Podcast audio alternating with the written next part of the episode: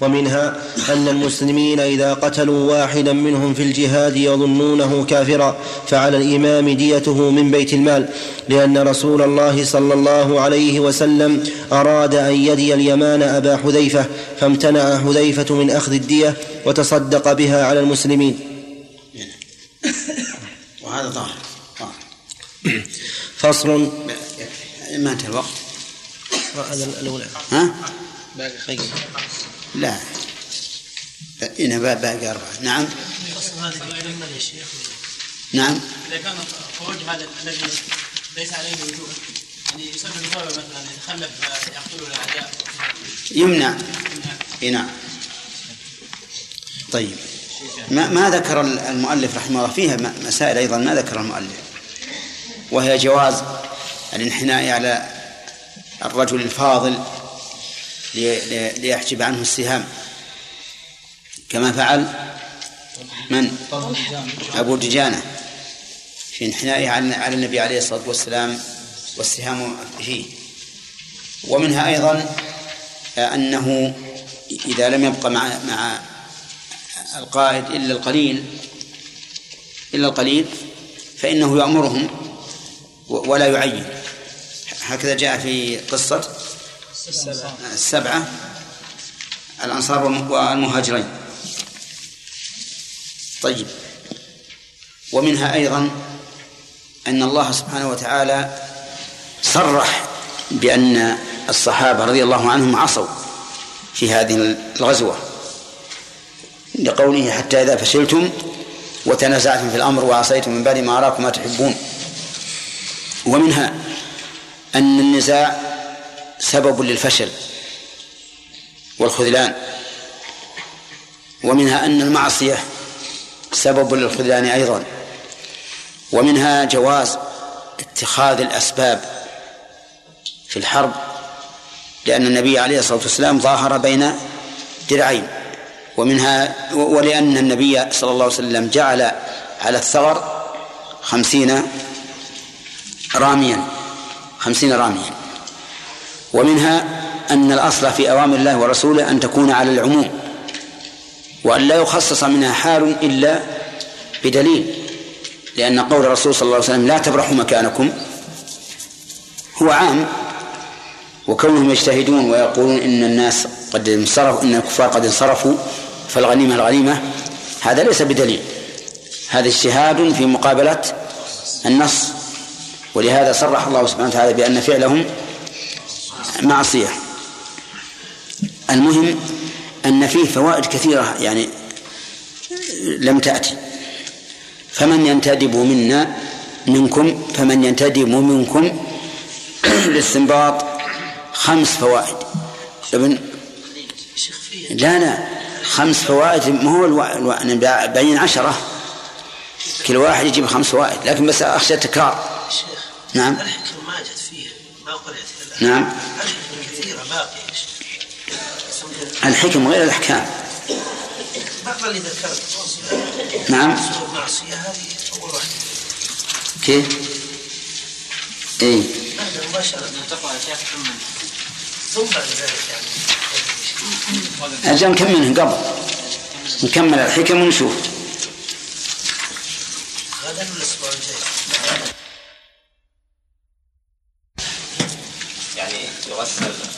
اي نعم نعم طيب يعتبر هو افضل ان شهد المعركه قد يكون عند الله افضل ولكن لازم من فضله في هذا ان يفضله في كل الخصائص نعم القتلى اذا دفنوا في مصارعه ومثلا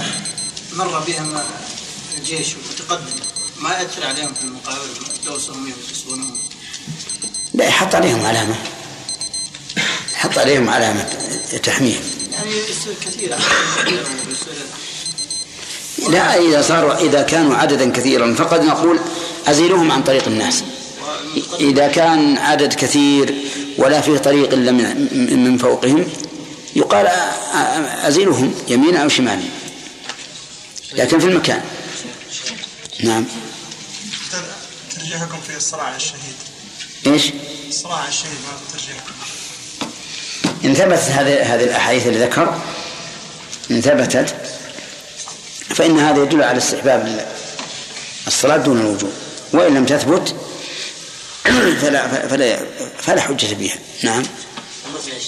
ها؟ قتل ومثل به كيف؟ المقتول مثل إذا مثل بعد قتله نعم قلنا أن له أن يمثل بالقاتل أليس الله سبحانه وتعالى في باب القصاص؟ جواب أقول في باب القصاص ها؟ أي نعم شوية يعني الله أن يمثل به ليس الله نبيه أي نعم، هذه ما لم تكن حقا والمثلة قصاصا حق قال الله تعالى فمن اعتدى عليكم فاعتدوا عليه بمثل ما اعتدى عليكم والرسول عليه الصلاة والسلام رض رأس اليهودي بين حجرين ومثلوا الصحابة ها؟ مثلوا بالصحابة من؟ المشركون في غزوة اي نعم والله سبحانه وتعالى نهى نبيه عن التمثيل ما ما نهى عن التمثيل لكن لكن الم تعلم انهم مثلوا من بعد المعركه نعم. بعد المعركه ما ما تمكنا من احد منهم بعد ولا القول الراجح انهم اذا مثلوا بنا فلنا ان نمثل بهم هذا في الجهاد اما في القصاص ما في اشكال القصاص ما في اشكال لانه حق خاص نعم في الدرس السابق ذكرت بارك الله فيك أن آه، في الدرس التفسير السابق أن رأي البقاء في المدينة ومقاتلتهم بالسيوف والنساء فوق السطوح وبالحجارة مع الصبيان أن هذا الرأي رأي المنافقين وفي يعني الآن ذكرت في تعليقك على الشيخ ابن القيم الجوزي أي نعم أنه رأي النبي صلى الله عليه وسلم والشيخ لا احنا نعم هم هم اللي ابتدأوا بالرأي المنافقين هم الذين أكدوا هذا الرأي وكان رأيهم موافقا لرأي الرسول عليه الصلاة والسلام اي نعم ولا هم اللي بدأ بدأوا به هم اللي قالوا لا نخرج آه. كما حمى الصحابة الرسول صلى الله عليه وسلم في معركة أحد بأنفسهم هل الآن ما يكون مثل لنا لو حصل شيء لعلمائنا أن نقوم بنفس العمل؟ لا ما أظن أن, إن غير الرسول مثل الرسول لأن الرسول يجوز فداؤه بالنفس والأب والأم وغيره لا يجوز لا يجوز أن يفتى بالنفس. طيب أنا يا شيخ وش بيستفيدون من الإسلام؟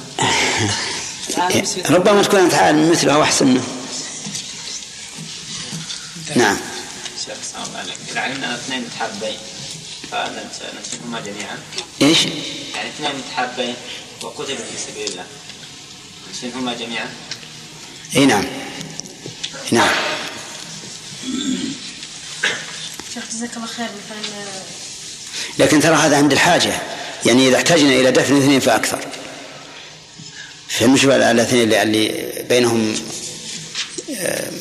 صحبة في الدنيا نجعلهم جميعا خير مثلا إذا هل يجوز لنا حفر قبور الذي يقتل في سبيل الله حتى مثل اللي ايش؟ الذي قتل في سبيل الله إيه. مثل ما عمل في حفر قبر عبد الله نعم. لا هذا لسبب لأن عمال مع معاوية حفروا حتى وجد وأيضا السيل لأنهم حول الشعيب السيل حفر بعض القبور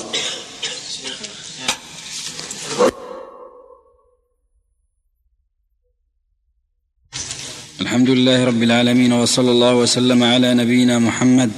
وعلى آله وصحبه أجمعين قال ابن القيم رحمه الله تعالى فصل في ذكر بعض الحكم والغايات المحموده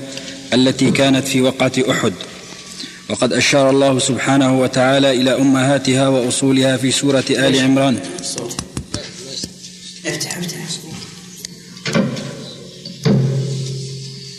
وقد أشار الله سبحانه وتعالى إلى أمهاتها وأصولها في سورة آل عمران حيث افتتح القصة بقوله: "وإذ غدوت من أهلك تبوئ المؤمنين مقاعد للقتال" إلى تمام ستين آية فمنها تعريفهم سوء عاقبة المعصية والفشل والتنازع وأن الذي أصابهم إنما هو بشؤم ذلك كما قال تعالى ولقد صدقكم الله وعده إذ تحسونهم بإذنه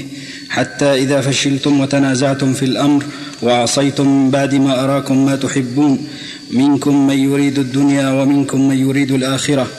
ثم صرفكم عنهم ليبتليكم وقد عفا ولقد عفا عنكم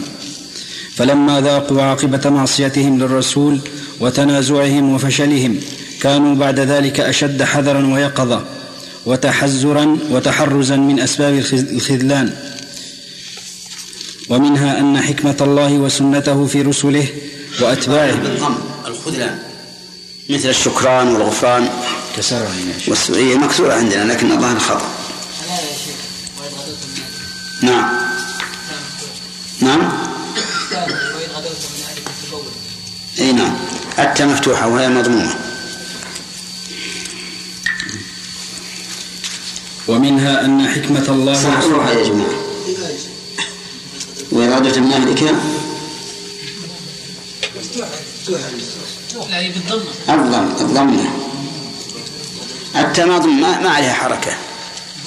التاء ما عليها حركة غدوت يا شيخ بالفتح يا شيخ صحيح حطوا ضمة على التاء من أهلك تبوئ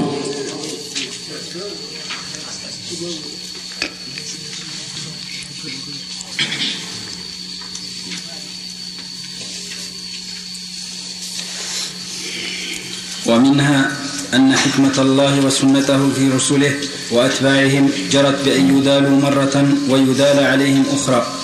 لكن تكون العاق تكون لهم العاقبة فإنهم لو انتصروا دائما دخل معهم المؤمنون وغيرهم ولم يتميز الصادق من غيره ولو انتصر عليهم دائما لم يحصل لم يحصل المقصود من البعثة والرسالة فاقتضت حكمة الله أن جمع لهم بين الأمرين ليتميز من يتبعهم ويطيعهم للحق وما جاءوا به ممن يتبعهم على الظهور والغلبة خاصة جاءوا به فيها وين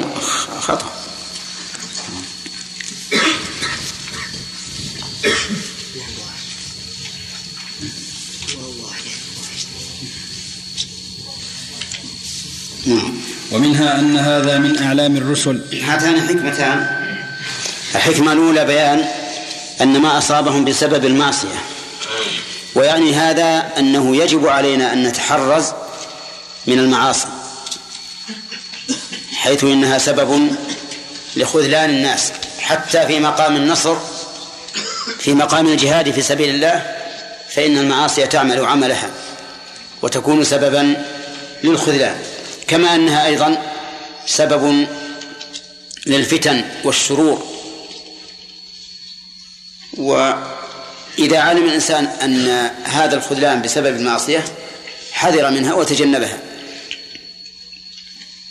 وأما الحكمة الثانية فهي بيان حكمة فهي بيان أن الأمر كله بيد الله وأن الله تعالى بحكمته يدين المؤمنين اثاره على عدوهم ويديل عدوهم عليهم تارة ليعلم الصادق من الكاذب وإلى هذا يشير قول الله تعالى إن يمسسكم قرح فقد مس القوم قرح مثله وتلك الأيام نداولها بين الناس فهكذا جرت سنة الله والحكمة من هذه من هذه الحكمة أيضا ما أشار إليه ابن القيم رحمه الله أنه لو كان النصر للمؤمنين دائما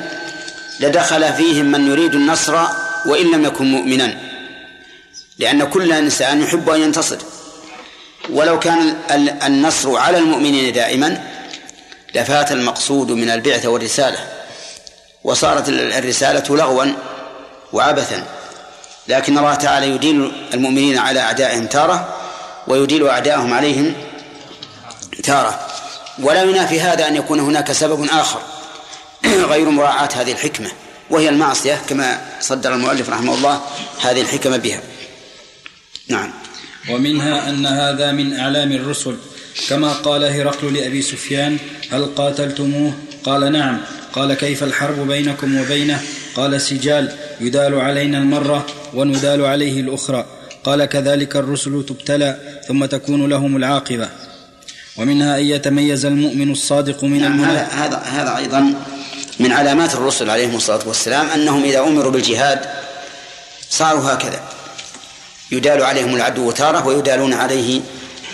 تارة أخرى فهذا من من علامات الرسالة كما قاله هرقل قال هكذا كذلك الرسل تبتلى ثم تكون العاقبة لهم ومنها أيضا أن يحصل للمسلمين مرتبة الصبر عند الهزائم كما يجب عليهم أن يقوموا بالشكر عند الانتصار والغنائم نعم ومنها أن يتم ومنها أن يتميز المؤمن الصادق من المنافق الكاذب فإن المسلمين لما أظهرهم الله على أعدائهم يوم بدر وطار لهم الصيط دخل معهم في الاسلام ظاهرا من ليس معهم فيه باطنا فاقتضت حكمه الله عز وجل ان سبب ان سبب لعباده محنه ميزت بين المؤمن والمنافق فاطلع المنافقون رؤوسهم في هذه الغزوه وتكلموا بما كانوا يكتمونه وظهرت مخباتهم وعاد تلويحهم تصريحا وانقسم الناس الى كافر ومؤمن ومنافق انقساما انقساما ظاهرا وعرف المؤمنون أن لهم عدوا في نفس دورهم وهم معهم وهم معهم لا يفارقونهم فاستعدوا لهم وتحرزوا منهم قال الله تعالى ما كان الله ليذر المؤمنين على ما انتم عليه حتى يميز الخبيث من الطيب وما كان الله ليطلعكم على الغيب ولكن الله يجتبي من رسله من يشاء اي ما كان الله ليذركم على ما انتم عليه من التباس المؤمنين بالمنافقين حتى يميز اهل الايمان من اهل النفاق كما ميزهم بالمحنه يوم احد وما كان الله ليطلعكم على الغيب الذي يميز به بين هؤلاء وهؤلاء فانهم متميزون في غيبه وعلمه وهو سبحانه يريد ان يميزهم تمييزا مشهودا فيقع معلومه الذي هو غيب شهاده وقوله ولكن الله يجتبي من رسله من يشاء استدراك لما نفاه من اطلاع خلقه على الغيب سوى الرسل فانه يطلعهم على ما يشاء من غيبه كما قال عالم الغيب فلا يظهر على غيبه احدا الا من ارتضى من رسول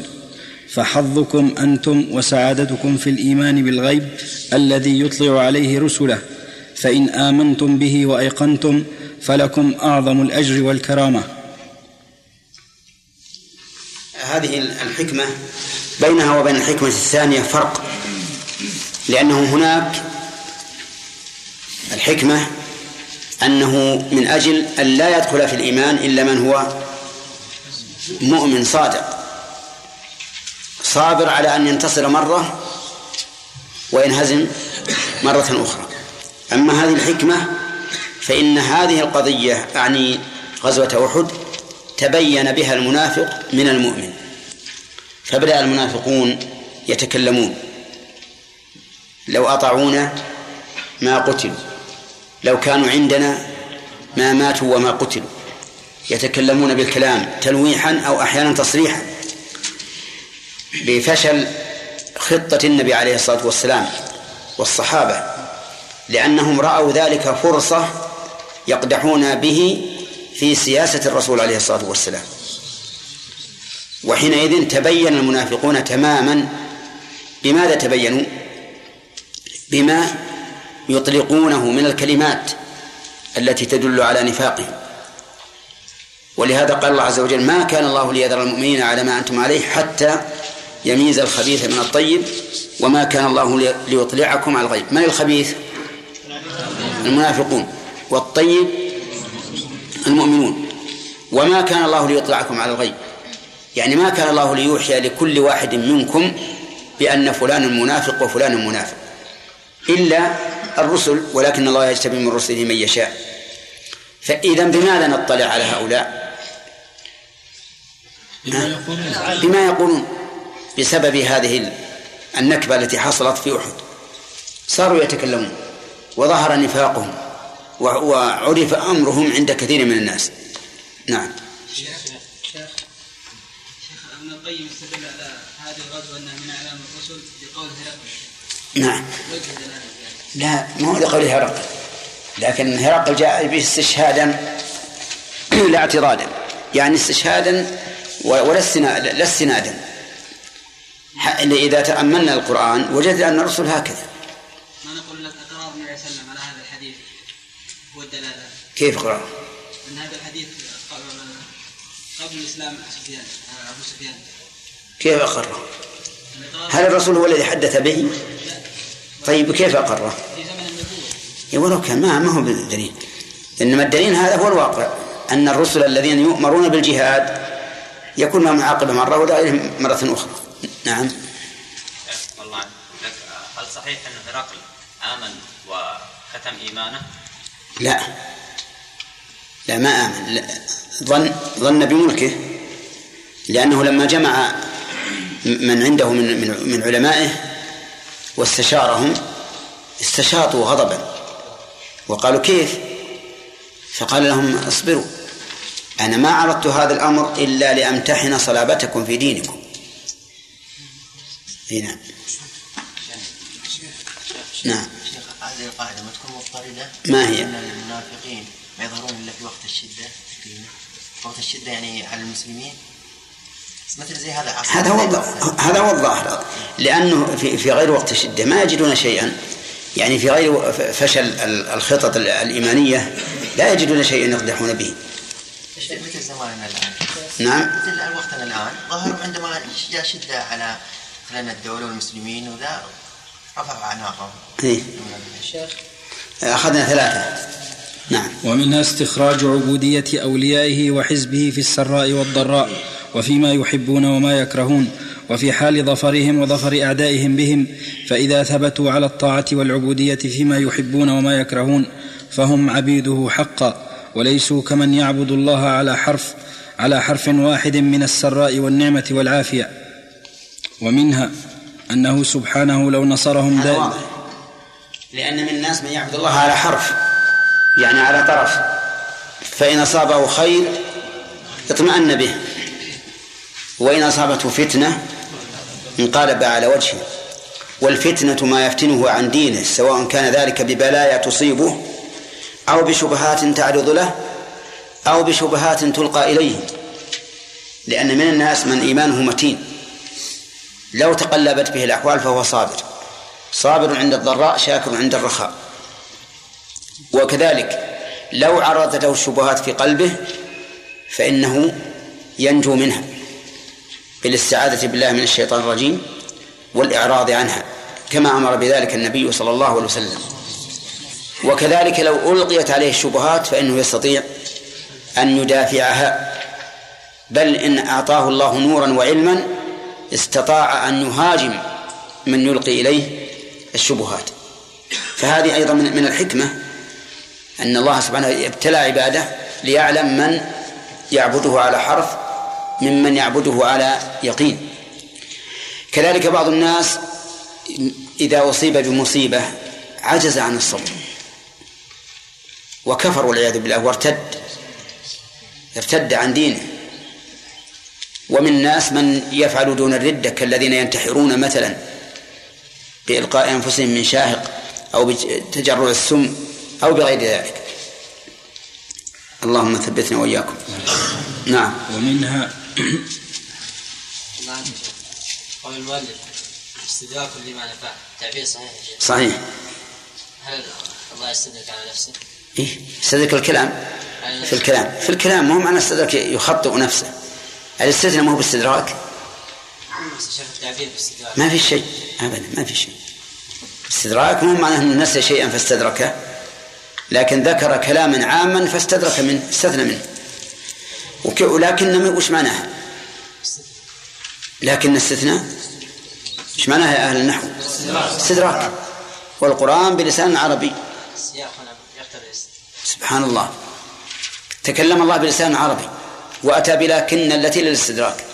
فنقول يا ربنا ان هذه الكلمه ليست بلسان عربي نعم ومنها انه سبحانه لو نصرهم دائما واظفرهم بعدوهم في كل موطن وجعل لهم التمكين والقهر لاعدائهم ابدا لطغت نفوسهم وشمخت وارتفعت فلو بسط لهم النصر والظفر لكانوا في الحال التي يكونون فيها لو بسط لهم الرزق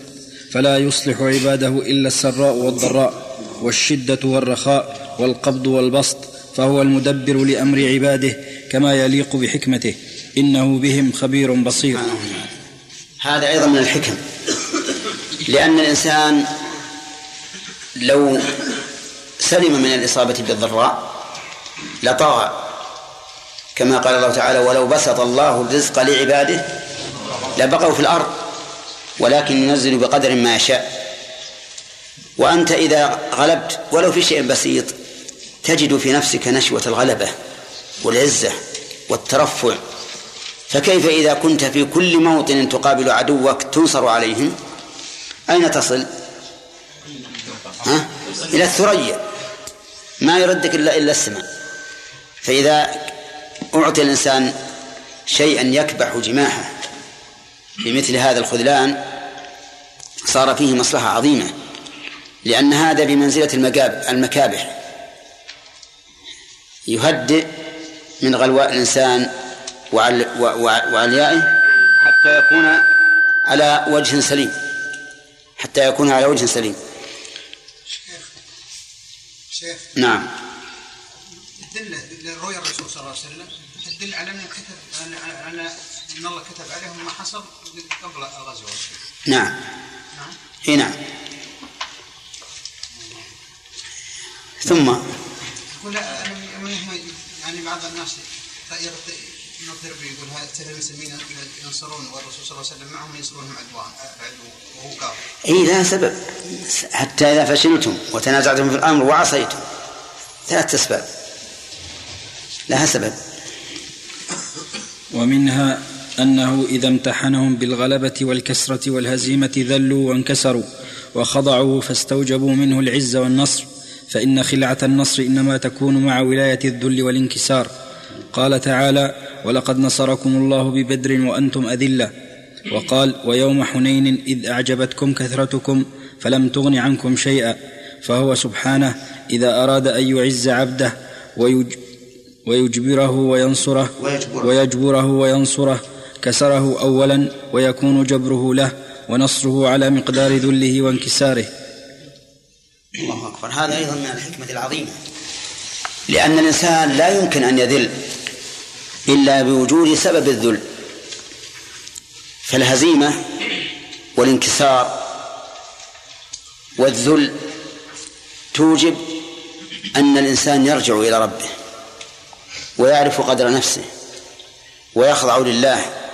ويخبت إليه بخلاف ما لو لم يأتيه شيء فإنه يبقى مستغنيا كما قال الله تعالى كلا إن الإنسان لا يطغى أن رآه استغنى لكن إذا وجد له ما يكثر هذه العزة والأنف في نفسه عرف قدر نفسه ورجع إلى ربه وأنت في نفسك إذا مثلا أصبت بسراء ورخاء وعافية حصل عندك ذهول ونسيان لحق الله فإذا أصبت بضد ذلك رجعت إلى ربك وعرفت قدر النعمة وعرفت قدر نفسك وضعفت أمام أمام قوة الله عز وجل نعم ومنها أنه سبحانه هيأ لعباده المؤمنين منازل في دار كرامته لم تبلغها أعمالهم ولم يكونوا بالغيها إلا بالبلاء والمحنة فقيض لهم الأسباب التي توصل توصلهم إليها من ابتلائه وامتحانه كما وفقهم للأعمال الصالحة كما التي كما كما يعني أعد الكلمة كما وفقهم للاعمال الصالحه التي هي من جمله اسباب وصولهم اليها نعم لكن الاعمال الصالحه سبب مباشر للوصول الى هذه الدار واما ما يحصل بالابتلاء فهو سبب غير مباشر لان الابتلاء اذا لم يقترن بالصبر صار ابتلاء في الدنيا والاخره واذا اقترن بالصبر صار ابتلاء في الدنيا لكنه خير واجر في الاخره فهذه من المسائل التي أو من الحكمة فيما يصيب الإنسان من الذل والضعف والمرض والفقر وغير ذلك أن الله كتب له منازل في الآخرة منازل الصابرين التي لا ينالها إلا بوجود الأسباب التي يعرف بها الصبر من الجزع والصدق والسخط نعم ومنها نعم هل الإنسان يسأل الصبر هل الإنسان أن يسأل الصبر نعم كيف اللهم اجعلني من الصابرين يعني ابتداء اي نعم ابتداء أليس يسأل المسلمين ما هو الصبر ثلاث أقسام على الطاعة وعن المعصية وعلى الأقدار ابتداء اي نعم ابتداء نعم ابتداء نعم قال الناس يصبر مثلا على الابتلاء يعني غصب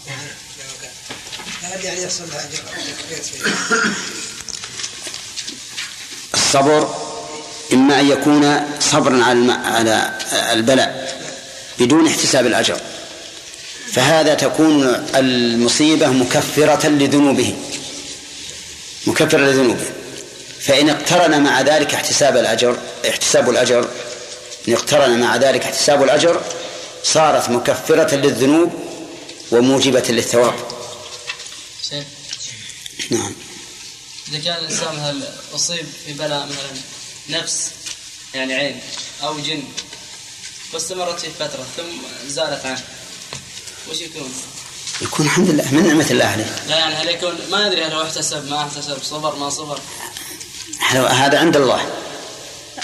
كل شيء مقيد وكل صغير وكبير مستطر ما في شيء يفوت لو نسيه فهو مكتوب نعم ومنها أن النفوس تكتسب من العافية الدائمة والنصر والغنى طغيانا وركونا إلى العاجلة وذلك مرض يعوقها عن جدها في سيرها إلى الله والدار الآخرة فإذا أراد بها ربها ومالكها وراحمها كرامته قيض لها من الابتلاء والامتحان ما يكون دواء لذلك المرض العائق عن السير الحثيث إليه فيكون ذلك البلاء والمحنة بمنزلة الطبيب يسقي العليل الدواء الكريه ويقطع منه العروق المؤلمة لاستخراج الأدواء منه ولو تركه لغلبته الأدواء حتى يكون فيها هلاكه هذا أيضا قريب مما سبق نعم ومنها أن الشهادة عنده من أعلى مراتب أوليائه والشهداء هم خواصه والمقربون من عباده وليس بعد درجة الصديقية إلا الشهادة وهو سبحانه يحب أن يتخذ من عباده شهداء تراق دماؤهم في محبته ومرضاته ويؤثرون رضاه ومحابه على نفوسهم ولا سبيل إلى نيل هذه الدرجة إلا بتقدير الأسباب المفضية إليها من تسليط العدو صحيح وإلى هذا أشار بقوله ويتخذ منكم شهداء في سورة آل عمران في سياق الآيات ومعلوم أن الشهادة إنما تكون في غلبة إيش في غلبة العدو لأنك لو غلبت العدو صار القتل فيه وإذا غلبك صار القتل فيك فهذا أيضا من من الحكم أن الله سبحانه وتعالى جعل من هؤلاء الصحابة الكرام شهداء ولا تنال الشهادة إلا بمثل هذا هذه الهزيمة يا شيخ نعم يا شيخ الله خير ورد عن النبي صلى الله عليه وسلم حديث ان مثل الذكر افضل من الجهاد والعمل في الايام العشر والعمل ايش؟ والعمل في, في الايام العشر نعم فهل يعني افضل من الشهاده في نفسها الاعمال هذه؟ لا هي ما من ايام العمل الصالح فيهن احب يعني ان العمل الصالح في هذه الايام احب الى الله حتى من الجهاد في سبيل الله وليس هناك تفضيل مطلق والجهاد إذا وقع في هذه الأما... في هذه الأيام صار أشد وأفضل مما لو وقع في غيرها. بالنسبة للحديث نعم. الله أعلم الله أعلم ولكن قد يقال إن, إن كل إنسان يخاطب بحسبه فالإنسان الذي ليس فيه قدرة ولا أهلية للجهاد يكون الذكر أفضل شيخ. نعم شيخ هل للصبر حد ولا ما إلا يعني مثلا إذا وصل الجوع للأحد وإذا ما يقول لأحد عندنا جوع ما أكلت شيء ولا مثلا ورجل يقول لأحد يموت وأنا ما أكلت شيء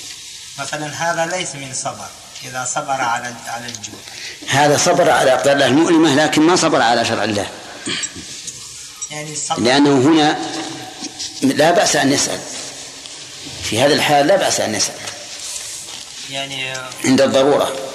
لكن ينبغي أن يعرض كما صنع أبو هريرة رضي الله عنه نعم. أبو هريرة ما قال إني جائع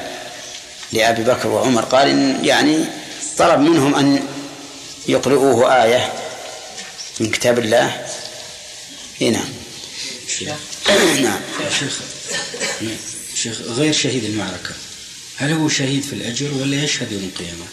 الغريب أما في الدنيا فليس له أحكام الشهيد الآخر في الآخرة له أحكام الشهيد يعني ولا ولكن الشهداء درجات يعني لن ينال درجة الشهداء الذين قتلوا في سبيل الله كما أن الصالحون درجات والصديقون درجات والرسل درجات بس يا شيخ نسأل هل يشهد شهادة في الموقف كالشهداء الذين كيف يشهد يعني؟ يشهد على الناس، ايش معنى الشهيد؟ لا لا مو معنى الشهيد، الشهيد عند الله يعني انه ش... ان افعاله شهد بها لنفسه بالايمان. ولا الأمة كلها أمة محمد شهداء على الناس يشهدون حتى الذي اللي مات على فراشه نعم ومنها أن الله سبحانه إذا أراد أن يهلك أعداءه ويمحقهم قيض لهم الأسباب التي يستوجبون بها هلاكهم ومحقهم ومن أعظمها بعد كفرهم بغيهم وطغيانهم ومبالغتهم في اذى اوليائه ومحاربتهم وقتالهم والتسلط عليهم فيتمحص بذلك اولياؤه من ذنوبهم وعيوبهم ويزداد بذلك اعداؤه من اسباب محقهم وهلاكهم وقد ذكر سبحانه وتعالى ذلك في قوله ولا تهنوا ولا تحزنوا ولا وانتم الاعلون ان كنتم مؤمنين ان يمسسكم قرح فقد مس القوم قرح مثله وتلك الايام نداولها بين الناس وليعلم الله الذين امنوا ويتخذ منكم شهداء والله لا يحب الظالمين وليمحص الله الذين امنوا ويمحق الكافرين فجمع, فجمع لهم في هذا الخطاب بين تشجيعهم وتقويه نفوسهم واحياء عزائمهم وهممهم وبين حسن التسليه وذكر الحكم وذكر الحكم الباهره التي اقتضت إدالة الكفار عليهم فقال إن يمسسكم قرح فقد مس القوم قرح مثله فقد استويتم في القرح والألم وتباينتم في الرجاء والثواب كما قال إن تكونوا تألمون فإنهم يألمون كما تألمون وترجون من الله ما لا يرجون فما بالكم تهنون وتضعفون عند القرح والألم فقد أصابهم ذلك في سبيل الشيطان وأنتم أصبتم في سبيلي وابتغاء مرضاتي نعم هذه الآيات كما قال المؤلف رحمه الله فيها التشجيع والتقوية لقوله ولا تهنوا ولا تحزنوا وأنتم الأعلون فإذا كان الله عز وجل يقول وهو الذي بيده ملكوت كل شيء أنتم الأعلون فإن في هذا من التشجيع وتقوية النفوس والعزائم ما لا يخفى على أحد ثم بين أن أن هذا مشروط إن كنتم مؤمنين والشرط هنا يعود على الأفعال الثلاثة أو على الجمل الثلاث لا تهنوا إن كنتم مؤمنين لا تحزنوا إن كنتم مؤمنين أنتم الأعلون إن كنتم مؤمنين لأن المؤمن لا يهن بل هو دائم في دائم في عزم ونشاط وحركة ولا يحزن على ما فات لأنه يعلم أنه مقدر ومكتوب ولا بد منه فهو مؤمن بالقضاء والقدر المؤمن له العاقبة الحميدة وهي إيه؟ العلو العلو والظهور العلو والظهور فكيف يهن الناس المؤمنون ويحزنوا والله عز وجل يقول وأنتم الأعلون وهذا كقوله في سورة القتال فلا تهنوا وتدعوا إلى السلم وأنتم الأعلون والله معكم أضاف إلى ذلك أن الله معهم بنصره وتأييده فهذه من من من التشجيع وشحذ الهمم والعزائم ثم سلاهم بقوله إن يمسسكم قرح فقد مس القوم قرح مثله القرح يعني في الأصل هو الألم والشدة بل قال الله تعالى أولما أصابتكم مصيبة قد أصبتم مثليها قلتم أن هذا فهم أصيبوا في أحد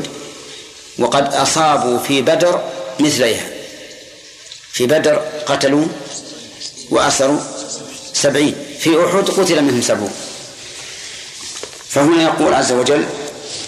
إن يمسسكم قرح فقد مس القوم قرح مثله لكن نحن لا نشعر بهذا الشيء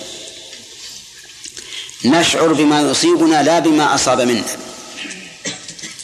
والواجب أننا نشعر بما يصيبنا ونشعر بما أصبنا في غيرنا من أجل إيش أن نتسلى لأن الإنسان إذا ذكر أن غيره أصيب بمثل هذه المصيبة لا سيما إذا كان عدوه إذا كان الذي أصيب عدوه فإنه يتسلى تقول الخنسة وهي ترثي أخاها صخرا تقول ولولا كثرة الباكين حولي على إخوانهم لقتلت نفسي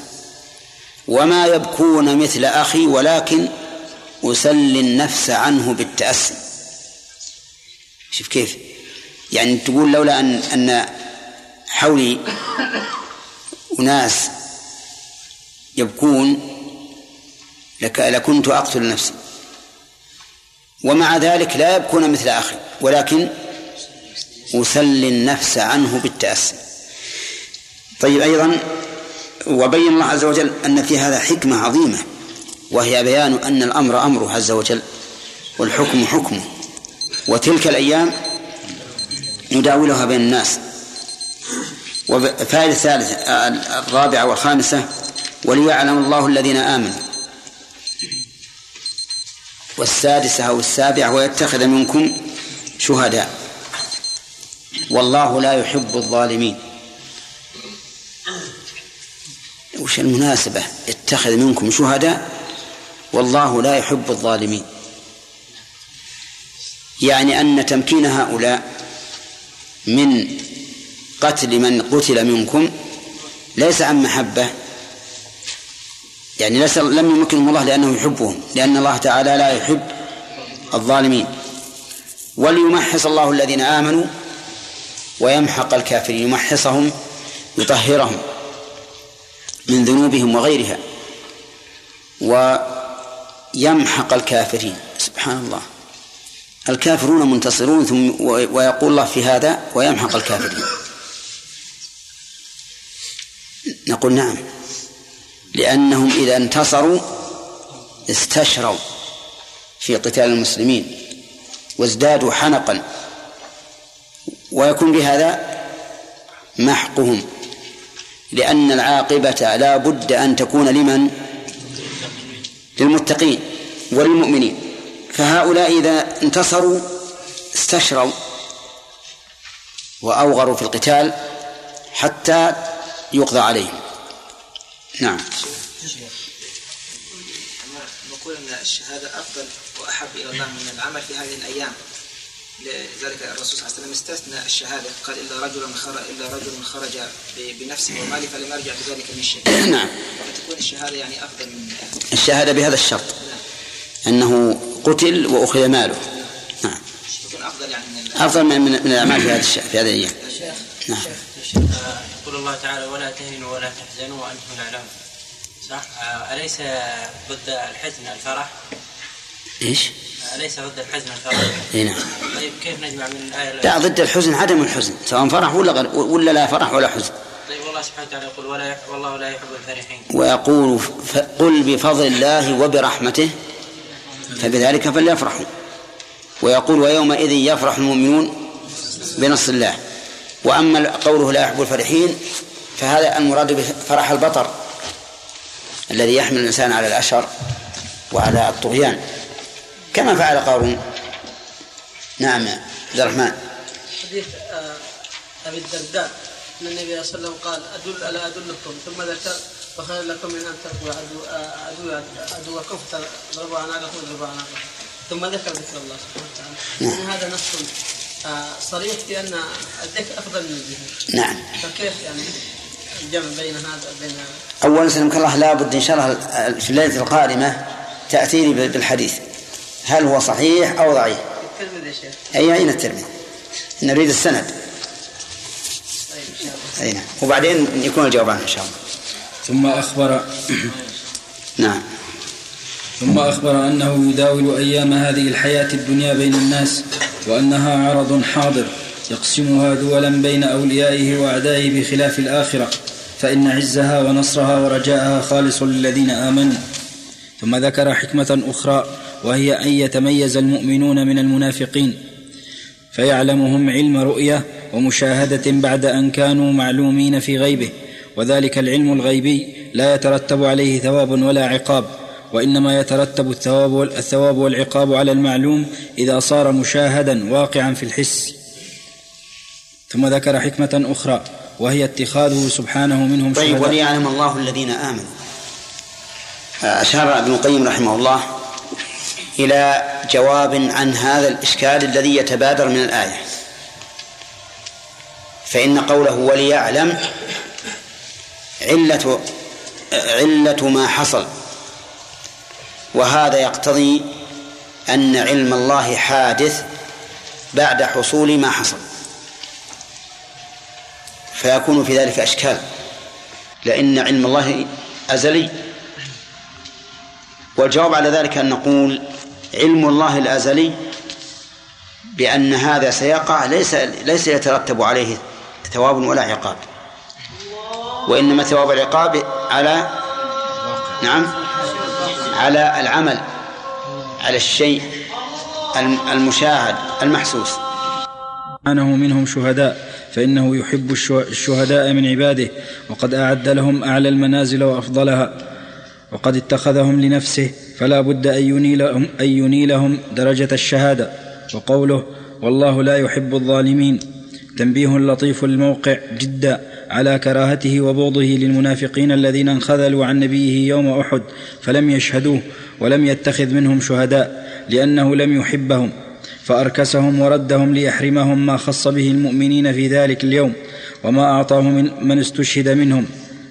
فثبط هؤلاء الظالمين عن الاسباب التي وفق لها اولياءه وحزبه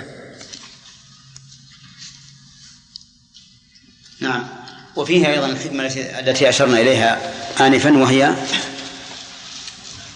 أن نصر هؤلاء الكفار لا يعني أنه يحبهم فإنهم ظالمون والله لا يحب الظالمين لأن النفوس قد تقول لماذا نصرهم الله علينا وهم كفار هل لأن الله يحبهم فقال والله لا يحب الظالمين فيكون في هذا فائدتان الفائدة الأولى ما ذكر ابن القيم رحمه الله وهي أن هؤلاء المنافقين الذين انخزلوا وهم نحو ثلث العسكر هؤلاء لم يتخذ منهم شهيدا واحدا لأنهم من الظالمين والله لا يحب الظالمين فكيف يوفقهم للشهادة والمعنى الثاني ما أشرنا إليه أن انتصار هؤلاء ليس عن محبة لأن الله لا يحب الظالمين نعم ثم ذكر حكمة أخرى فيما أصابهم ذلك اليوم وهو تمحيص الذين آمنوا وهو تنقيتهم وتخليصهم من الذنوب ومن آفات النفوس وأيضا فإنه خلصهم ومحصهم من المنافقين فتميزوا منهم فحصل لهم تمحيصان تمحيص من نفوسهم وتم فحصل لهم تمحيصان نعم تمحيص من نفوسهم وتمحيص ممن كان يظهر أنه منهم وهو عدوهم ثم ذكر حكمه اخرى وهي محق الكافرين بطغيانهم وبغيهم وعدوانهم ثم انكر عليهم حسبانهم وظنهم ان يدخلوا الجنه وسبب وسبق وجه ذلك ما وجهه أن في هذا محق الكافرين وجهه أنهم إذا انتصروا طغوا واستشروا نعم ورجعوا للقتال مرة أخرى لعلهم ينتصرون مرة ثانية فيكون رجوعهم سببا للقضاء عليهم ومحقهم واضح؟ اي نعم في يا شيخ في شيء آخر أنه يكون محق الكافرين نعم بالمؤمنين المحصون كيف؟ الذين بقوا وتمحصوا اي نعم. هم يمحقون الكافرين إيه لكن لكن بماذا يمحقون؟ يمحقونهم إذا جاءوا هؤلاء لقتالهم نعم إيه نعم نعم حديث يقول إذا سألتم الله الصبر فاسألوه العافية هذا صحيح ما أدري عنه ما أعرف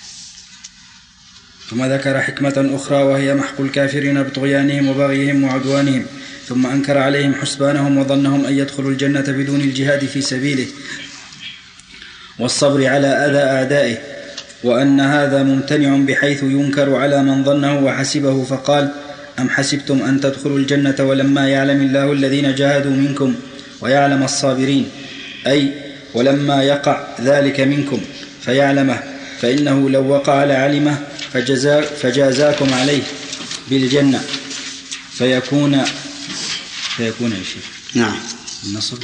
نعم فيكون الجزاء على الواقع المعلوم لا على مجرد العلم فإن الله لا يجزي العبد على مجرد علمه فيه دون أن يقع معلومه ثم وبخهم على هزيمتهم من أمر من أمر كانوا يتمنونه ويودون لقاءه فقال ولقد كنتم تمنون الموت من قبل أن تلقوه فقد رأيتموه وأنتم تنظرون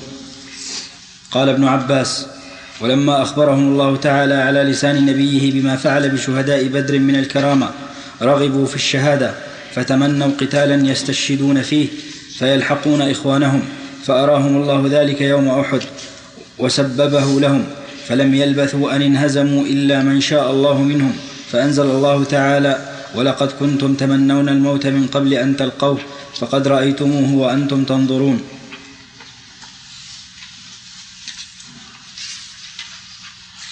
واضح أقول واضح أن في التوبيخ لهم كانوا بالأول يتمنون الموت يعني في سبيل الله من قبل أن تلقوه فقد رأيتموه في هذه الغزوة ومع ذلك حزنتم وقلتم أن هذا لماذا نهزم وما أشبه ذلك ولم ولم تثبتوا نعم وأنتم تنظرون وأنتم تنظرون نعم وش معناها؟ إي نعم لأنهم ينظرون إخوانهم يسقطون يسقطون شهداء شيخ شيخ نعم أسأل الله يا شيخ يقول الرسول صلى الله عليه وسلم للشهيد ست خصال عند رب عند ربه يغفر له ذنوب من أول قطع عندما كفر الرسول نعم آه، هل هل يدخل في هذا من ذهب إلى الجهاد بدون إذن والديه؟ يعني كان كان يعتبر الله يحتمل أن يقال إنه لا أجر له لأنه جهاد معصية وجهاد المعصية لا ينقلب طاعة كما لو صلى الإنسان في وقت النهي فإنه وإن صلى وخشع في صلاته وأتى بما ينبغي أن يأتي به في الصلاة لا لا لا تنفعه لأنها صلاة منهي عنها وكذلك الذي يذهب بدون رضا والديه فإنه ذهاب منهي عنه وقد يقال بأنه يؤجر ويأثم يؤجر على جهاده ويأثم على تفريطه في حق والديه وعلى كل فإن الرسول صلى الله عليه وسلم قدم بر الوالدين على الجهاد في سبيل الله كما في حديث عبد الله بن مسعود نعم شهادته يعني, يعني لو شهد بحق يعني لو شهد بحق قتل في سبيل قتل يعني في المعركه هل يكون شهيدا؟ اي هل يكون شهيدا؟ هذا اللي اقول كان إذا قلنا إن هذا الجهاد محرم فالمحرم لا يأتي بخير ولا يثاب عليه أصلا فكيف ينال الشهادة به لا يعتبر عن وإذا قلنا ليس بمحرم إلا لحق الوالدين فهذا يعني وهذا أمر زائد على موضوع الجهاد فإنه يكون آثما بمخالفة والديه ويكون له أجر أجر الجهاد فالمسألة فيها احتمال عن تضاول يا شيخ معصية وندخل في الحديث وش الحديث؟ يعني يغفر الله يعني جميع ذنوبه إيه. لا لا لا أصل من لكن هذا لا نقول انه شهيد اذا قلنا ان جهاده هذا محرم لم يكن به شهيدا لكن مراده بالذنوب اللي ما تعلق بالجهاد مثل كذب مره او غش مره نعم او ما اشبه ذلك من من المعاصي مع ان الدين لا يكفر لا تكفره الشهاده نعم ايش؟ على ايش؟ يذهب للجهاد يا شيخ على الدين عليه ديد دين, دين, دين بالنون ها هل هذا شيخ سبب المعصية؟ اي نعم هذا سفر معصيه إذا كان صاحب الدين يطالب به وقد حل لأن هنا يجب عليه أن يوفي الدين قبل شيخ الشهيد اللي يذهب دون لماذا نقول أنه يتوقف حجره حتى يأذن له مثل صاحب الدين لماذا؟ يعني يتوقف أجره حتى يأذن نحن نقول في احتمال في احتمال أن يكون هذا من حق الوالدين وهو أمر خارج عن الجهاد وفي احتمال أن يقال هذا الجهاد غير مأذون فيه شرعا فليس فيه أجر كالصلاة في وقت النهي ومنها نعم. أن وقعة أحد كانت مقدمة وإرهاصا بين يدي موت رسول الله صلى الله عليه وسلم فثبتهم ووبخهم على انقلابهم على اعقابهم ان مات رسول الله صلى الله عليه وسلم او قتل بل الواجب عليهم ان يثبتوا على دينه وتوحيده ويموتوا عليه او يقتلوا ان مات ان مات فثبتهم ووبخهم على انقلابهم على اعقابهم ان مات من هذه لفظ الايه افان مات او قتل انقلبهم على اعقابهم وهو ما مات يا رجل ما مات ولا قتل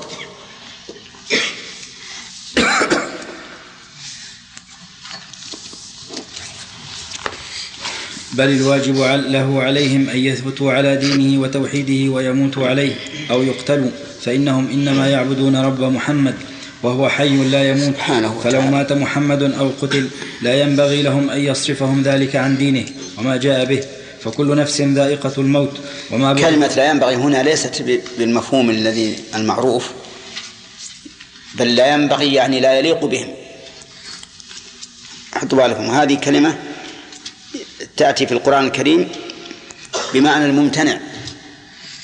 إذا قيل لا ينبغي أو ما ينبغي فالمعنى أنه ممتنع غاية الامتناع قال الله تعالى للشمس ينبغي لها أن تدرك القمر وقال تعالى وما ينبغي للرحمن أن يتخذ ولدا وقال في الرسالة هذا في التوحيد وفي الرسالة وما علمناه الشعر وما ينبغي له يعني ما يليق به ولا يمكن أن يكون شاعرا ولا يمكن أن يتخذ الله ولدا ولا يليق به ذلك نعم كل نفس ذائقة الموت وما بعث محمد صلى الله نعم وما بعث محمد صلى الله عليه وسلم ليخلد لا هو ولا هم بل ليموتوا على الإسلام والتوحيد فإن الموت لا بد منه سواء مات رسول الله صلى الله عليه وسلم أو بقي ولهذا وبخهم على رجوع, على رجوع من رجع منهم عن دينه لما صرخ الشيطان لما صرخ الشيطان إن محمدا قد قتل فقال وما محمد إلا رسول قد خلت من قبله الرسل أفإن مات أو قتل انقلبتم على أعقابكم ومن ينقلب على عقبيه فلن يضر الله شيئا وسيجزي الله الشاكرين والشاكرون هم الذين عرفوا قدر النعمه فثبتوا عليها حتى ماتوا او قتلوا فظهر اثر هذا العتاب وحكم هذا الخطاب يوم مات رسول الله صلى, رسول الله صلى الله عليه وسلم وارتد من ارتد على عقبيه وثبت الشاكرون على دينهم فنصرهم الله واعزهم وظفرهم باعدائهم وجعل العاقبه لهم ثم اخبر سبحانه انه جعل لكل نفس اجلا لا بد ان تستوفيه ثم تلحق به فيرد فيرد الناس كلهم فيرد. فيرد الناس كلهم حوض المنايا موردا واحدا وان تنوعت اسبابه ويصدرون عن موقف القيامه مصادر شتى فريق في الجنه وفريق في السعير ثم اخبر سبحانه ان جماعه كثيره من انبيائه قتلوا وقتل معهم اتباع لهم كثيرون فما وهن من بقي منهم لما اصابهم في سبيله وما ضعفوا وما استكانوا وما وهنوا عند القتل ولا ضعفوا ولا استكانوا بل تلقوا الشهاده بالقوه والعزيمه والاقدام فلم يست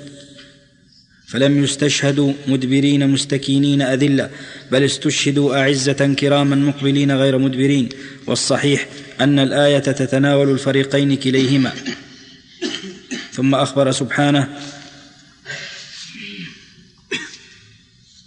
من الفريقين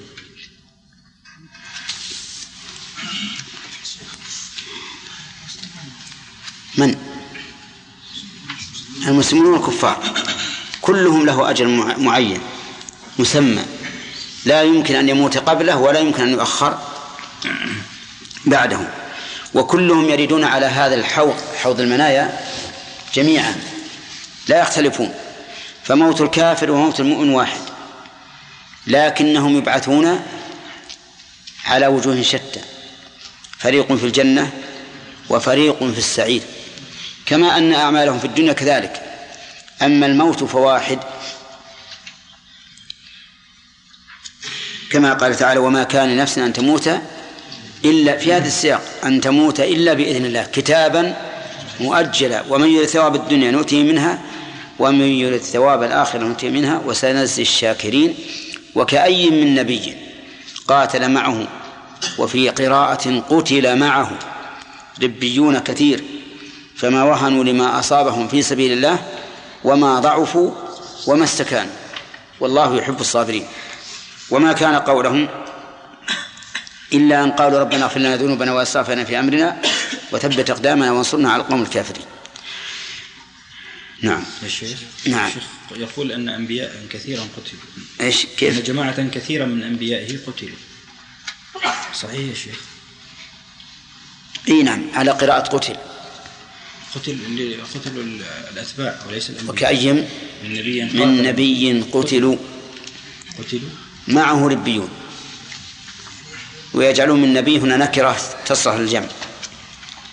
يمكن تفسيره على هذه القراءة وكأي من نبي قتلوا يعني كأي من أنبياء كثير قتلوا ما هي قتلوا أنا أنا أخطأت وكأي من نبي قتل قتل ثم قال معه ربيون كثير على هذه القراءة يصلح هذا المعنى أما أما أما إذا وصلت فقلت وكأي من نبي قتل معه ربيون صار المقتل من؟ أصحابه الذين معه هنا الأنبياء الآية ففريقا كذبتم وفريقا تقتلون أي من الأنبياء نعم الكلام على سياق الآيات اللي معنا ولا هذا معروف استشكال مصطفى يقول الآية الآيات اللي معنا كيف نوجهها نوجه كلام المؤلف وهو يفسر هذه الآيات نقول وكأي من نبي قتل يعني ما أكثرهم الأنبياء الذين قتلوا ثم قال معه ربيون نعم ورد في صحيح مسلم عن ابن مسعود أن رجل يدخل الجنة نعم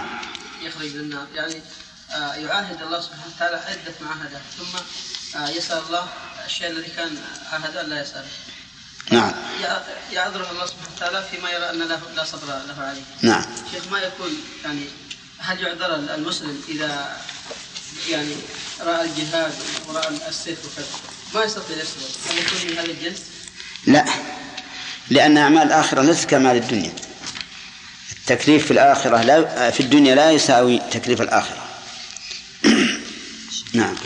خلصنا نعم. نعم ثم أخبر سبحانه عما استنصرت به الأنبياء وأممهم على قومهم من, اعتراف من اعترافهم وتوبتهم واستغفارهم وسؤالهم ربهم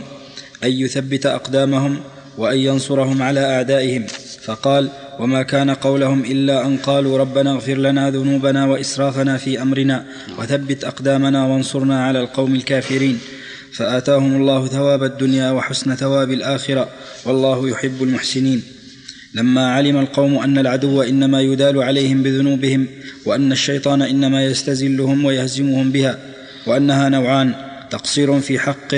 او تجاوز لحد وان النصره منوطه بالطاعه قالوا ربنا اغفر لنا ذنوبنا واسرافنا في امرنا ثم علموا ان ربهم تبارك وتعالى ان لم يثبت اقدامهم وينصرهم لم يقدروا هم على تثبيت اقدام انفسهم ونصرها على اعدائهم فسالوه ما يعلمون انه بيده دونهم وانه ان لم يثبت اقدامهم وينصرهم لم يثبتوا ولم ينتصروا فوفوا المقامين حقهما مقام المقتضي وهو التوحيد والالتجاء إليه سبحانه ومقام إزالة المانع من النصرة وهو الذنوب والإسراف ثم حذرهم سبحانه من طاعة عدوهم وأخبر أنهم إن أطاعوهم خسروا, في خسروا الدنيا والآخرة وفي ذلك تعريض بالمنافقين الذين أطاعوا المشركين لما انتصروا وظفروا يوم أحد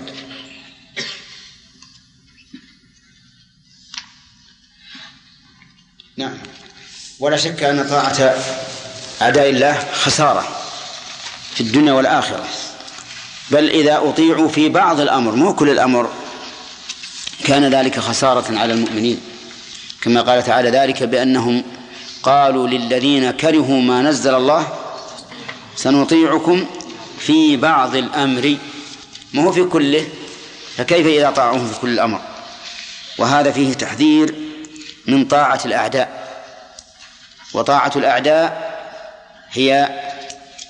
اتباع أوامرهم سواء وقعت بالقول أو بالفعل أما بالقول فمثل أن يقولوا افعلوا كذا افتحوا الباب لكل حزب اجعلوا كل حزب ما يفعل ما شاء من كفر وإلحاد وزنا وفجور وخمر وغيرها اجعلوا الناس أحرارا هذا إذا أطعناهم في ذلك فهذا لا شك أنه سبب للخسارة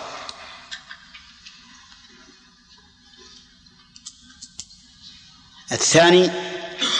الطاعة بالفعل بالأمر بالفعل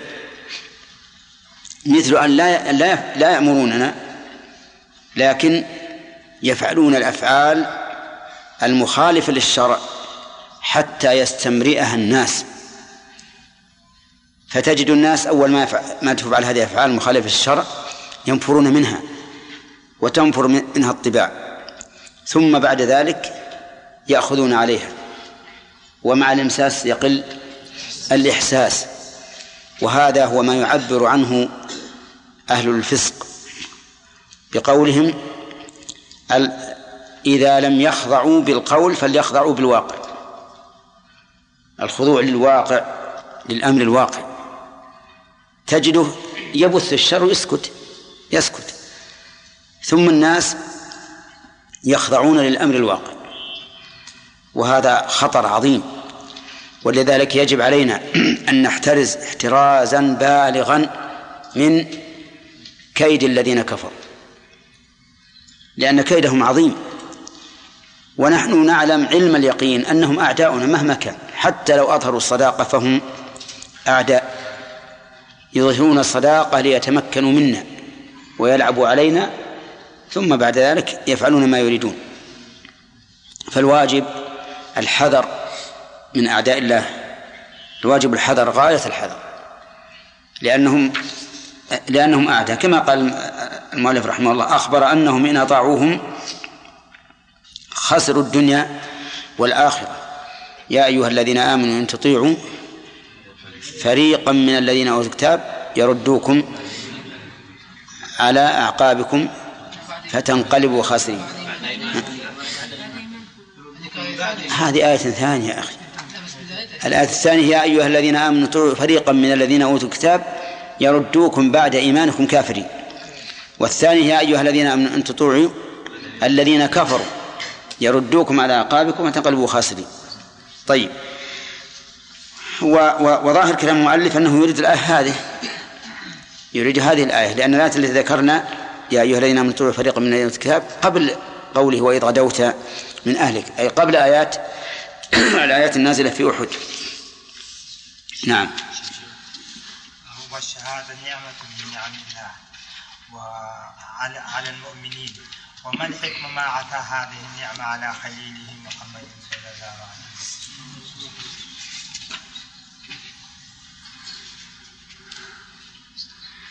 وش تكون بالسؤال هذا يقول لماذا لم يقتل محمد شهيدا ما دامت الشهادة نعمة مات شهيدا كما أخبر الزهري آه. والذي سموه اليهود طيب نعم أن مقام النبوة والرسالة أفضل مقام الشهادة نعم هذا هو الجواب الصحيح نقول رسول أكرمه الله بما هو أفضل من هذا أبو بكر أبو بكر رضي الله عنه لم يقتل شهيدا لأنه من الصديقين ولهذا قال النبي عليه الصلاة والسلام في أحد لما ارتج بهم قال اثبت أحد فإنما عليك نبي وصديق وشهيدان ودرجة الصديقية أكمل على أن بعض العلماء يقول إن الرسول صلى الله عليه وسلم يعتبر شهيدا لأنه في مرض موته قال ما زالت أكلة خيبر تعاودني وهذا أوان انقطاع أبهري فالله أعلم على كل حال مقام النبوة أشرف من مقام الشهادة زائد عليه بدرجة هذا النعمة عليه إيه لا إذا إذا حصل الكمال ما هو لازم ما هو بلازم نعم شيخ الكفار في امور الدنيا هل يدخل في هل يضر هذا الشيء؟ نعم نعم حتى في أمور الدنيا إذا كان هذا إذا كان هذا يستلزم علوهم علينا وذلنا لهم أما إذا كنا ننتفع بما علمهم الله من أمور الدنيا لكن بدون ذل فهذا لا بأس به نعم ثم أخبرهم أنه سيلقي في قلوب أعدائهم الرعب الذي يمنعهم من الهجوم عليهم والإقدام على حربهم وانه يؤيد حزبه بجند من الرعب ينتصرون به على اعدائهم وذلك الرعب بسبب ما في قلوبهم من الشرك بالله وعلى قدر الشرك يكون الرعب فالمشرك بالله اشد شيء خوفا ورعبا والذين امنوا ولم يلبسوا ايمانهم بالشرك لهم الامن والهدى والفلاح والمشرك له الخوف والضلال والشقاء ثم اخبرهم انه صدقهم وعده في نصرتهم على عدوهم بل ان الانسان يكون في قلبه من الخوف والرعب بقدر ما بقدر ما حصل منه من المعصية يعني إن كان مشركا فهو رعب كامل وإن وإن كان دون ذلك فهو رعب ناقص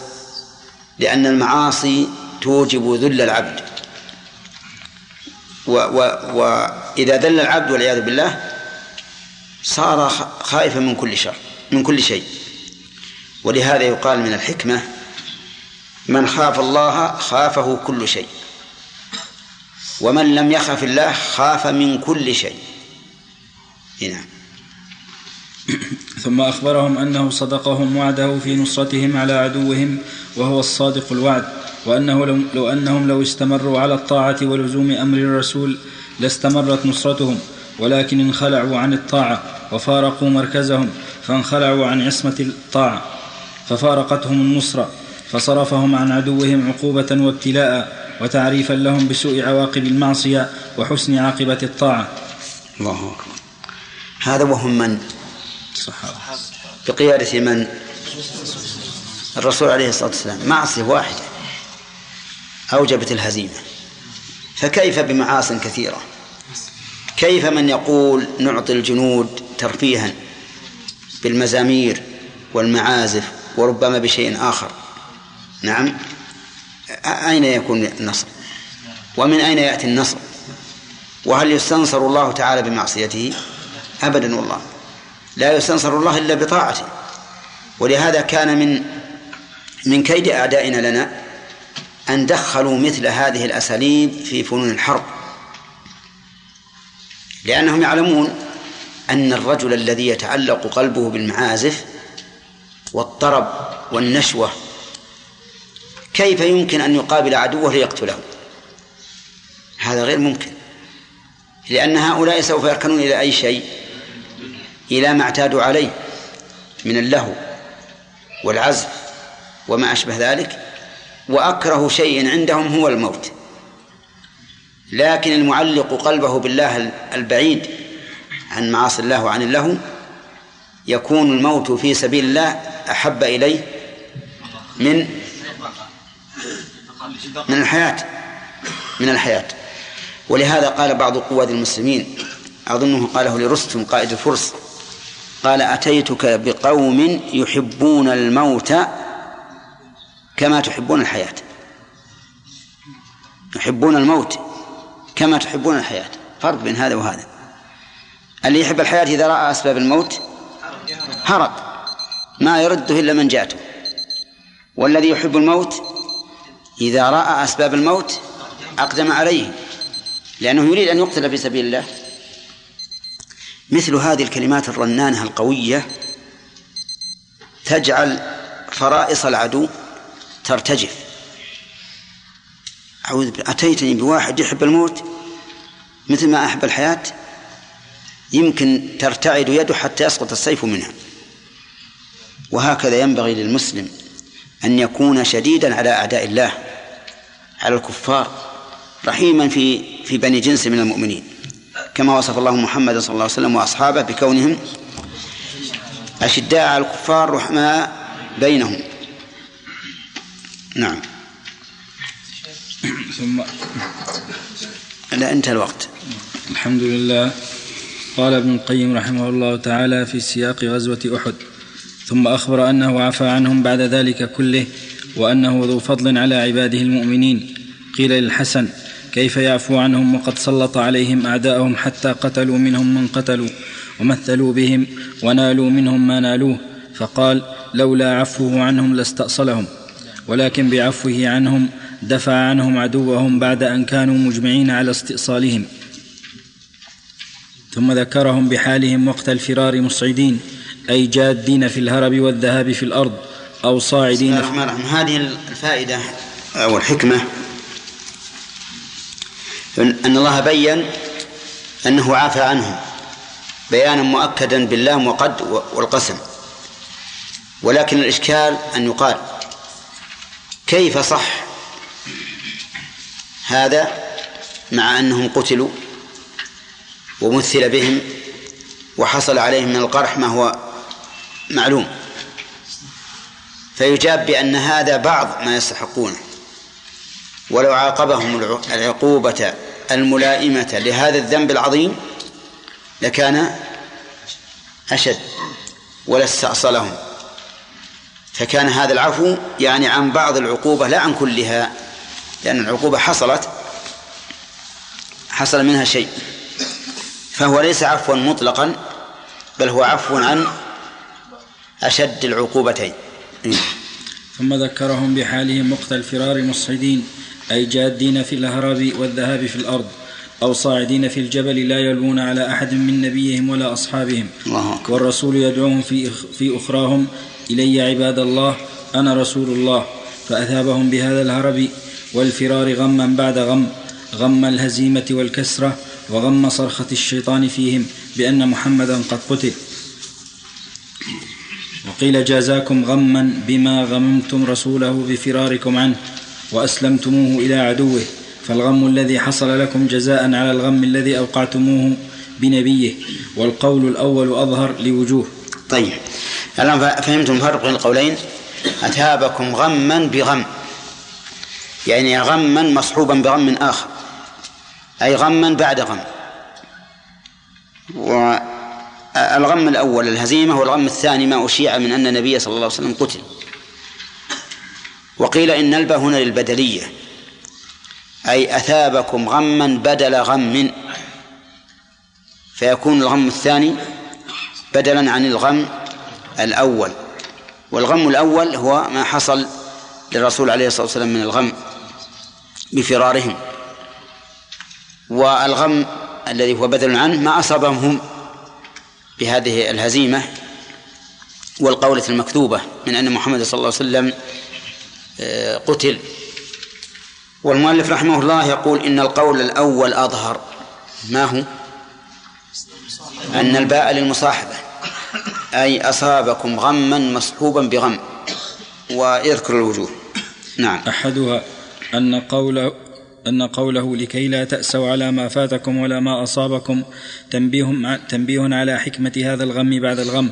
وهو أن ينسيهم الحزن على ما فاتهم من الظفر وعلى ما أصابهم من الهزيمة والجراح فنسوا بذلك السبب وهذا إنما يحصل بالغم الذي يعقبه غم آخر الثاني أنه مطابق للواقع فإنه حصل لهم غم فوات الغنيمة ثم أعقبه غم الهزيمة ثم غم الجراح التي اصابتهم ثم غم القتل ثم غم سماعهم ان رسول الله صلى الله عليه وسلم قد قتل ثم غم ظهور اعدائهم على الجبل فوقهم وليس المراد غمين اثنين خاصه بل غما متتابعا لتمام الابتلاء والامتحان الثالث ان قوله بغم من تمام الثواب لا غم ذكر المؤلف خمس غم فوات الغنيمه غم الهزيمه غم الجراح غم القتل غم سماعهم سماعهم أن النبي صلى الله عليه وسلم قد قتل غم ظهور أعدائهم على الجبل فوقه ستة نعم ها؟ اللي عندنا بالضم فالغم المتتابع ها؟ عندنا فالغم المتتابع اي يعني الأخير قصدك؟ اي نعم منصوبة عندنا وليس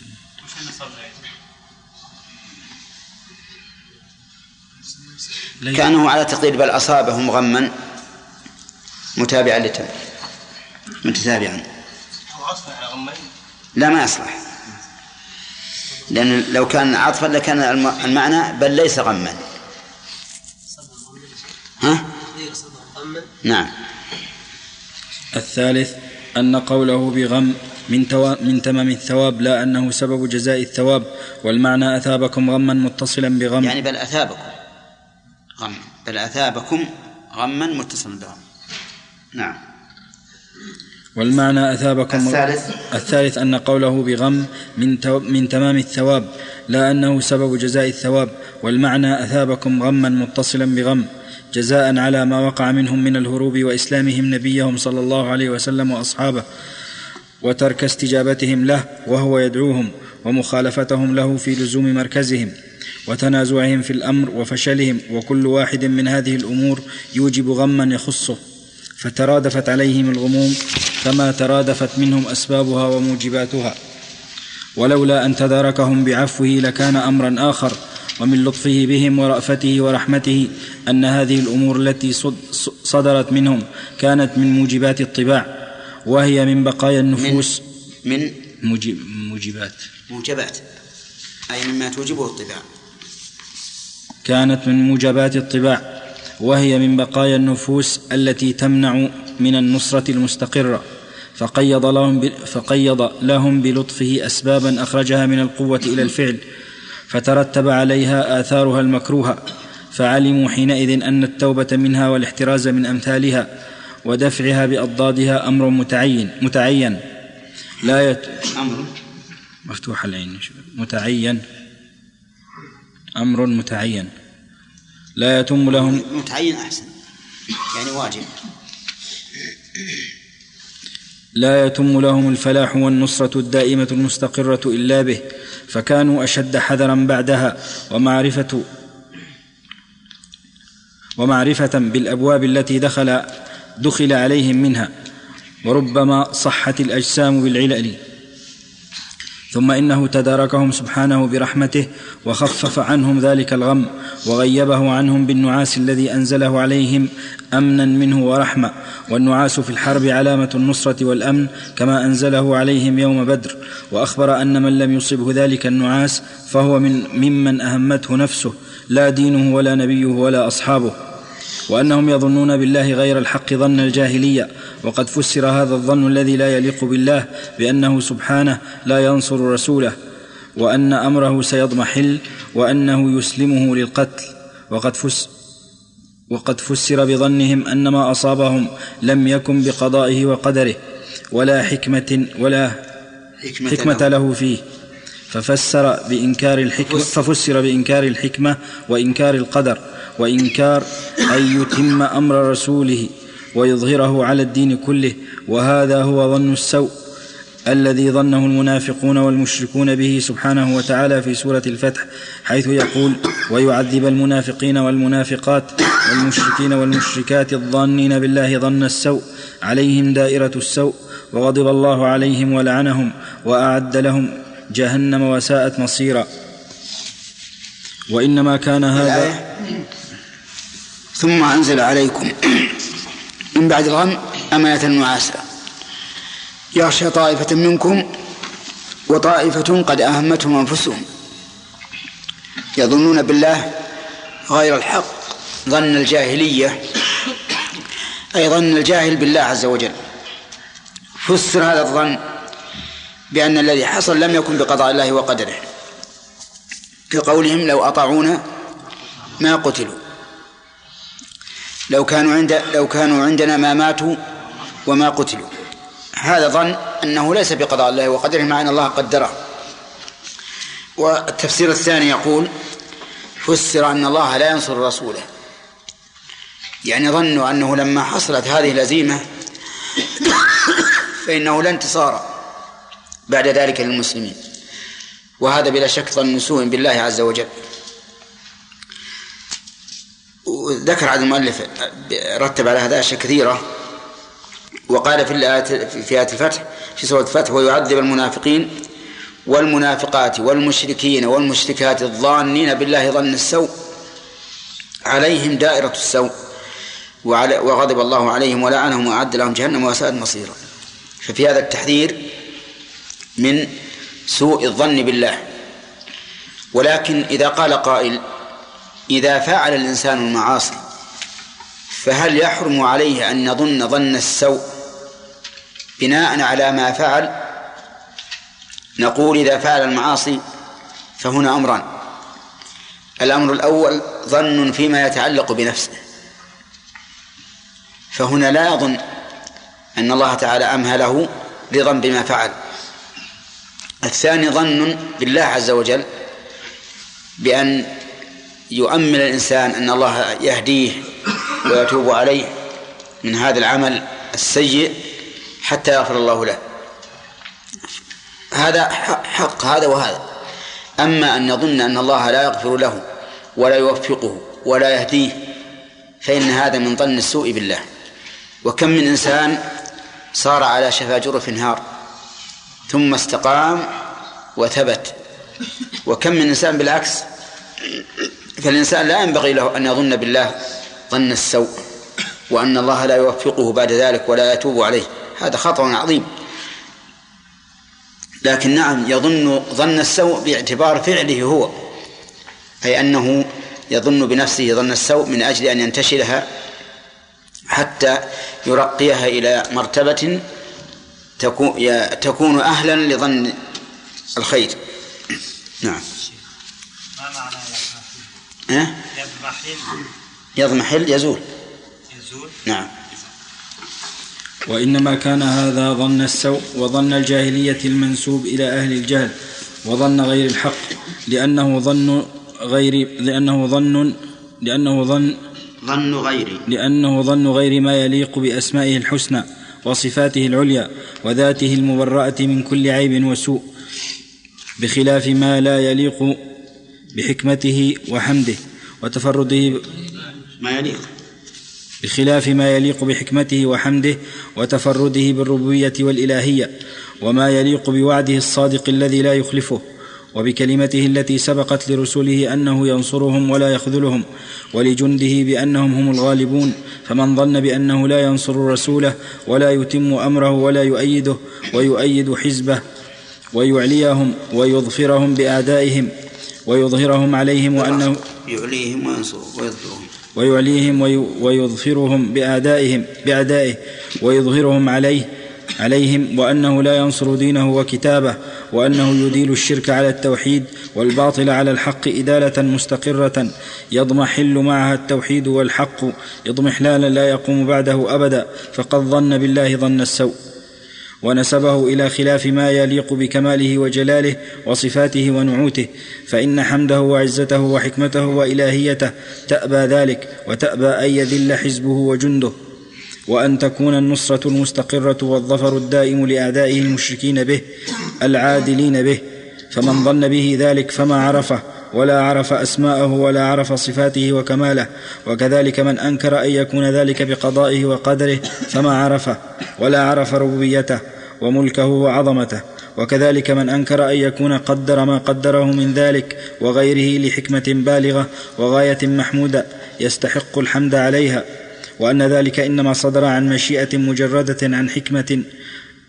وغايه مطلوبه هي احب اليه من, فو من فوتها وان تلك الاسباب المكروهه المفضيه اليها لا يخرج تقديرها عن الحكمه لافضائها الى ما يحب وان كانت مكروهه له فما قدرها سدى ولا انشاها عبثا ولا خلقها باطلا ذلك ظن الذين كفروا فويل للذين كفروا من النار واكثر الناس يظنون بالله غير الحق ظن السوء فيما يختص بهم وفيما يفعله بغيرهم ولا يسلم عن ذلك الا من عرف الله وعرف اسماءه وصفاته وعرف موجب موجب حمد ولا يسلم من ذلك شيخ ولا يسلم من ذلك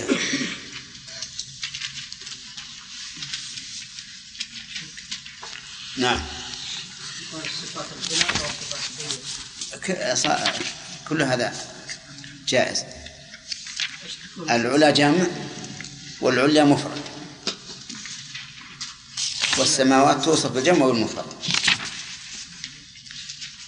ولا ولا يسلم من ذلك إلا من عرف الله وعرف أسماءه وصفاته